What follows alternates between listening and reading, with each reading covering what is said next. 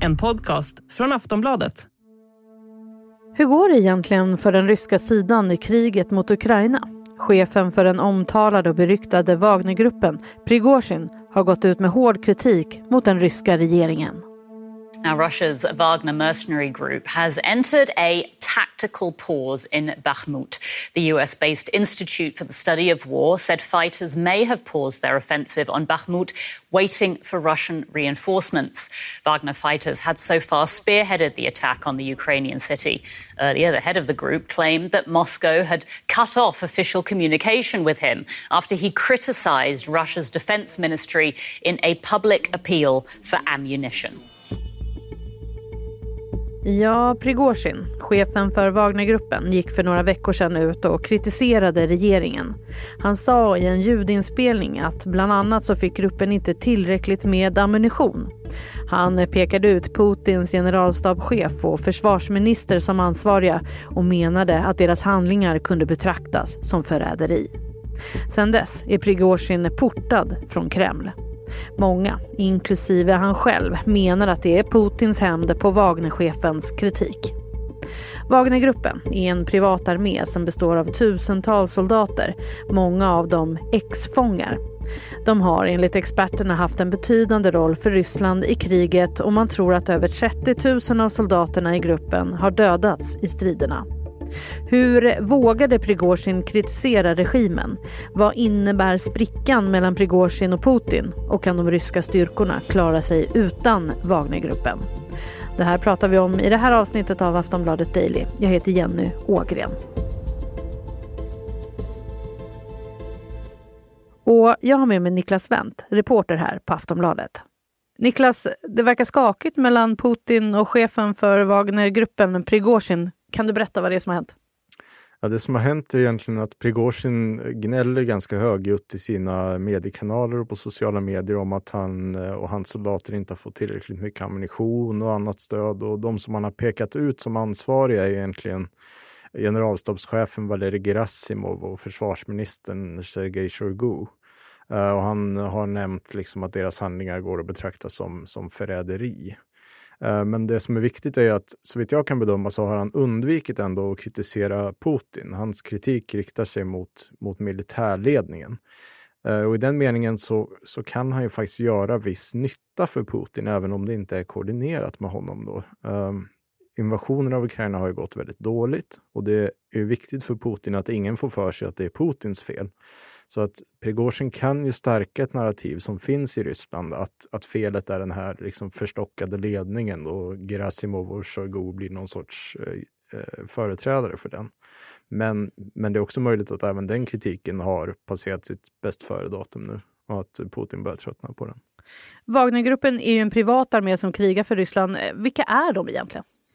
Ja, det är ett privat militärt företag, men det har så pass nära koppling till den ryska staten och ryska militära underrättelsetjänsten att, att det i praktiken går statens ärenden. Eh, privata militära företag är förbjudna i Ryssland, så det är inte en del av staten, men den, men den rör sig liksom i en skuggvärld mellan de här olika sfärerna. Och Wagner har funnits med sedan 2014 egentligen och annekteringen av Krim och kriget i Donbass som började då. Eh, och det är ett företag som används till saker som den ryska militären och staten inte kan göra eller inte vill göra eller på något sätt vill kunna förneka att de är inblandade i. Att de ska kunna två sina händer och säga nej, det var inte vi, det, det här vet vi ingenting om. Uh, så på det sättet så har Wagner funnits opererat i ett tiotal länder i Afrika, i Syrien och man har stöttat ryska utrikespolitiska intressen på olika sätt. Samtidigt som då ledningen förnekat all kännedom och sagt att de inte existerar i princip fram till ganska nyligen. Och vem är då eh, chefen för den här gruppen, Prigozjin? Vem är han? Han är en oligark från Sankt Petersburg. Han satt i fängelse i Sovjet i princip hela 80-talet och när han kom ut så startade han ett korvstånd och sen en restaurang där Putin brukade äta och ta med gäster efter att han hade blivit president då i början av 2000-talet. Så på gamla bilder därifrån så kan man se Prigozjin i bakgrunden när de serverar George Bush och prins Charles och Brasiliens och Indiens presidenter och andra sådana här höjdare. Eh, det är därför han lite nedsättande då brukar kallas för Putins kock.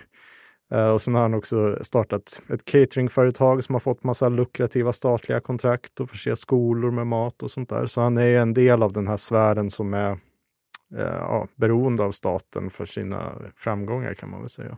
Men han och Putin är vänner?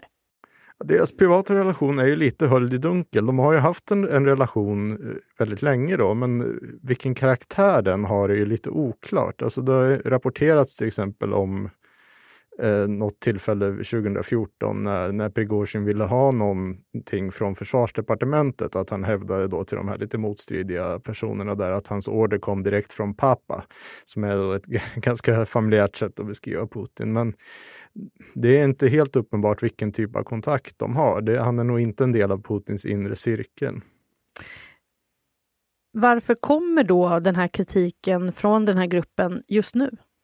Wagner har ju kommit ut ur skuggorna egentligen under det här eh, kriget i Ukraina. De har ett helt nytt högkvarter i Sankt Petersburg och Prigozjin själv har synts mycket i sociala medier och han har gått runt i Ukraina-uniform och sånt där, vilket aldrig hände förut. Och han har ju till och med erkänt öppet att han styr Wagner, eh, vilket han inte heller hade gjort innan. Och så har de ju spelat en mycket större roll i kriget med mycket fler människor i fält än vad de haft förut. Och det här gör ju att han får en väldigt publik roll. Eh, men i och med att han inte har någon officiell roll i regimen så är hans position samtidigt väldigt känslig. Eh, om den förut har bara varit kopplad till vilken nytta som Wagner kan göra för Putin och hans gäng så är den nu också på något sätt kopplad till uppfattningen om Wagner i allmänheten och vilken nytta Wagner kan göra. Eh, Prigozjin försöker framställa sig som ett alternativ då till den här förstockade militärledningen, att han är liksom en no-nonsense kille som kommer in och får saker gjorda. Och om Wagner är framgångsrikt så stärker det Prigozjins ställning och om Wagner inte är framgångsrikt, ja då måste man ha någon att skylla på, till exempel då att man inte har fått ammunition och sånt där. Man tänker att eh, ganska många i Ryssland är rädda för att kritisera Putin och ledningen, men här har alltså Prigozjin gjort det ändå. Hur vågade han ens vara kritisk? Ja, det är som jag var inne på lite förut så kan det gynna Putins intressen också. Så länge man inte kritiserar honom så kan han tillåta en viss, vissa stridigheter under sig så att säga. Men Prigozjin balanserar ju på en väldigt slak lina. Vid, vid någon tidpunkt så går han ju över gränsen där ifrågasättandet av militären också smittar av sig på Putin och frågan är om det inte redan har gjort det nu. Uh, han har liksom inget skyddsnät. Är han inte nyttig längre så är, det, så är det slut med honom på något sätt. Så på det sättet tycker jag att det framstår som lite märkligt att han har sökt den här publika rollen. Det är någonting uppenbarligen som har fått honom att bedöma att han eh, kan få mer framgång och trygghet där än i skuggorna där han har funnits tidigare. Så det är någonting i hans ambitioner eller hans bedömning av den inomryska politiska miljön som har förändrats. Och det är ju ganska intressant i sig, även om man inte vet vad det är. Men det är uppenbart att hans aktiviteter har skaffat honom väldigt många fiender inom den ryska eliten och ja, möjligen ganska få vänner. Så kanske söker han ett skydd i offentligheten, att han vill göra sig till en person som är så pass högt ansedd att det blir ett politiskt problem att göra sig av med honom. Men samtidigt så är det uppenbart att nyttan från Putins horisont med ett, ett vilt kort som springer omkring och ställer till oreda är ju också ganska begränsad. Så det, det är väldigt svårt att veta det här. Hur har Putin och regimen svarat på hans kritik? Ja, det, Prigozjin har ju själv eh, nämnt att han har blivit utestängd från eh, liksom, försvarsdepartementets kanaler och, och sånt där. Och det, man kan väl kanske se det som att, eh, att göra Valerij Gerasimov till högsta ansvarig för hela kriget i Ukraina som man gjorde i början av januari på något sätt också en knäpp på näsan till Prigozjin. Att man, att man väljer Gerasimov så att säga framför honom. Um, det är lite svårt att veta. Prigozjin säger också att han inte får rekrytera fångar längre från fånglägren som han har gjort förut. Och det kan också vara ett sätt att liksom, eh, trycka ner hans offentliga profil. Wagnergruppen är både omtalad och beryktad. Vad skulle hända om Prigozjin inte hjälpte till längre i kriget? Ja, vi tar och pratar mer om det efter pausen.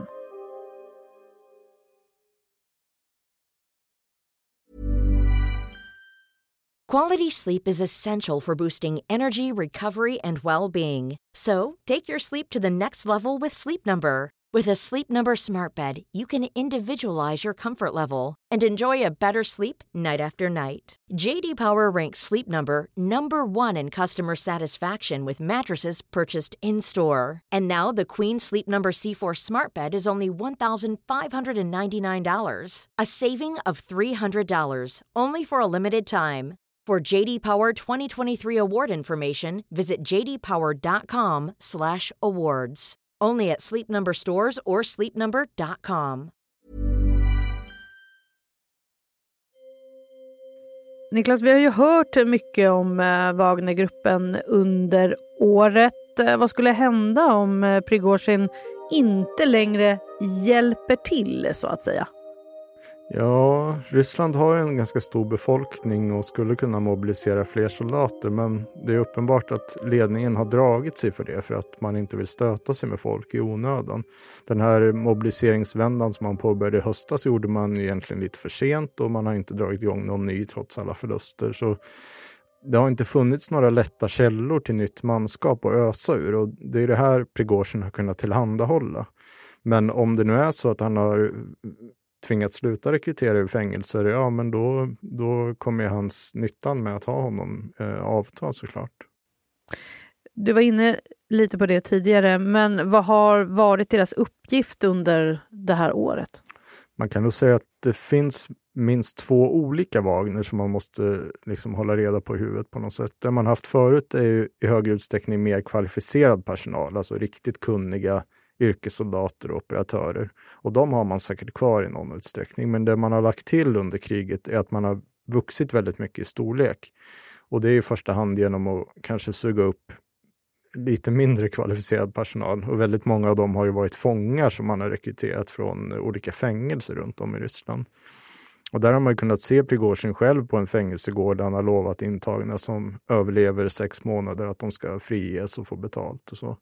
Och det finns ju uppgifter om att man har rekryterat tiotusentals fångar på det här sättet, även om det är svårt att veta. Då. Och de här personerna har ju satts in på ett väldigt hänsynslöst sätt, i synnerhet runt Bakhmut i Donbass. Och där handlar det om att små grupper av soldater har tvingats röra sig framåt tills de har fått stridskontakt och där ska de då uh, ha försökt gräva ner sig och sen har de ofta blivit dödade. Och det här har man upprepat med nya grupper liksom i olika vågor. Och idén då är att man ska få ukrainarna att avslöja sina positioner så att de kan bli bekämpade med artilleri och så. Men det är ju väldigt blodigt för de här eh, fångarna då, ganska cyniskt och brutalt sätt att kriga på. Och som du var inne på, de har varit med sedan annekteringen av Krimhalvön 2014. Men vad skulle du säga ändå att den här gruppen har betytt för Ryssland under den här delen av kriget? Ja, det pågår en diskussion just nu om det ganska mycket i medier och bland analytiker och jag har inte riktigt sett något konsensus forma sig. Man kan väl säga att under det senaste halvåret ungefär så, så har ju Wagner i princip varit den enda delen eh, Eh, av den ryska krigsinsatsen fram till ganska nyligen då, som har försökt röra sig framåt ändå. De har ju anfallit runt den här staden Bakhmut ganska länge. Och för det har de ju fått ett visst erkännande ändå, både från rysk sida och liksom från ukrainarna också, att de, det är ändå eh, att de försöker sig på offensiva företag. Och om man ser det från rysk synvinkel positivt, så det Wagnerförbanden har gjort är att de har bundit ukrainska styrkor möjligen hindrat dem från att vila upp sig och rekonstituera sina förband och gå till nya offensiver, samtidigt som man då har gett sin egen sida lite andrum och hämta sig efter alla fiaskon under det första krigsåret. Så de kan ha gjort nytta på det sättet, även om de inte har tagit sig så mycket framåt liksom på kartan sett. Sen finns det också en hel del rykten om den här gruppen. Vad har du hört som, man, som du har hajat till på? Uh, jag vet inte, det, det, det, är en väldigt brutalitet som verkar prägla den här gruppen och det är ju inte direkt rykten kanske, men, men att de uh, ja, slog ihjäl en person som de fick tillbaka i en fångutväxling med en slägga ungefär för att uh, den hade varit feg eller något, någonting sånt där.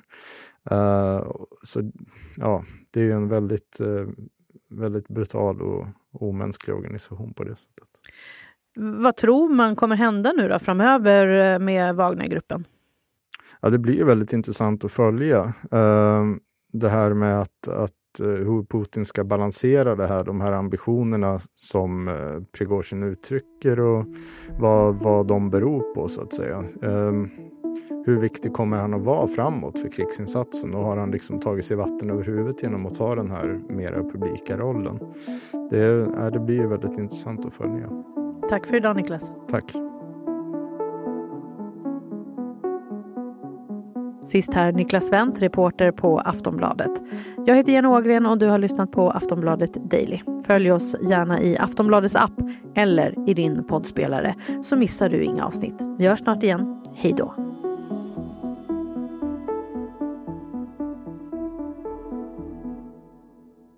Du har lyssnat på en podcast från Aftonbladet.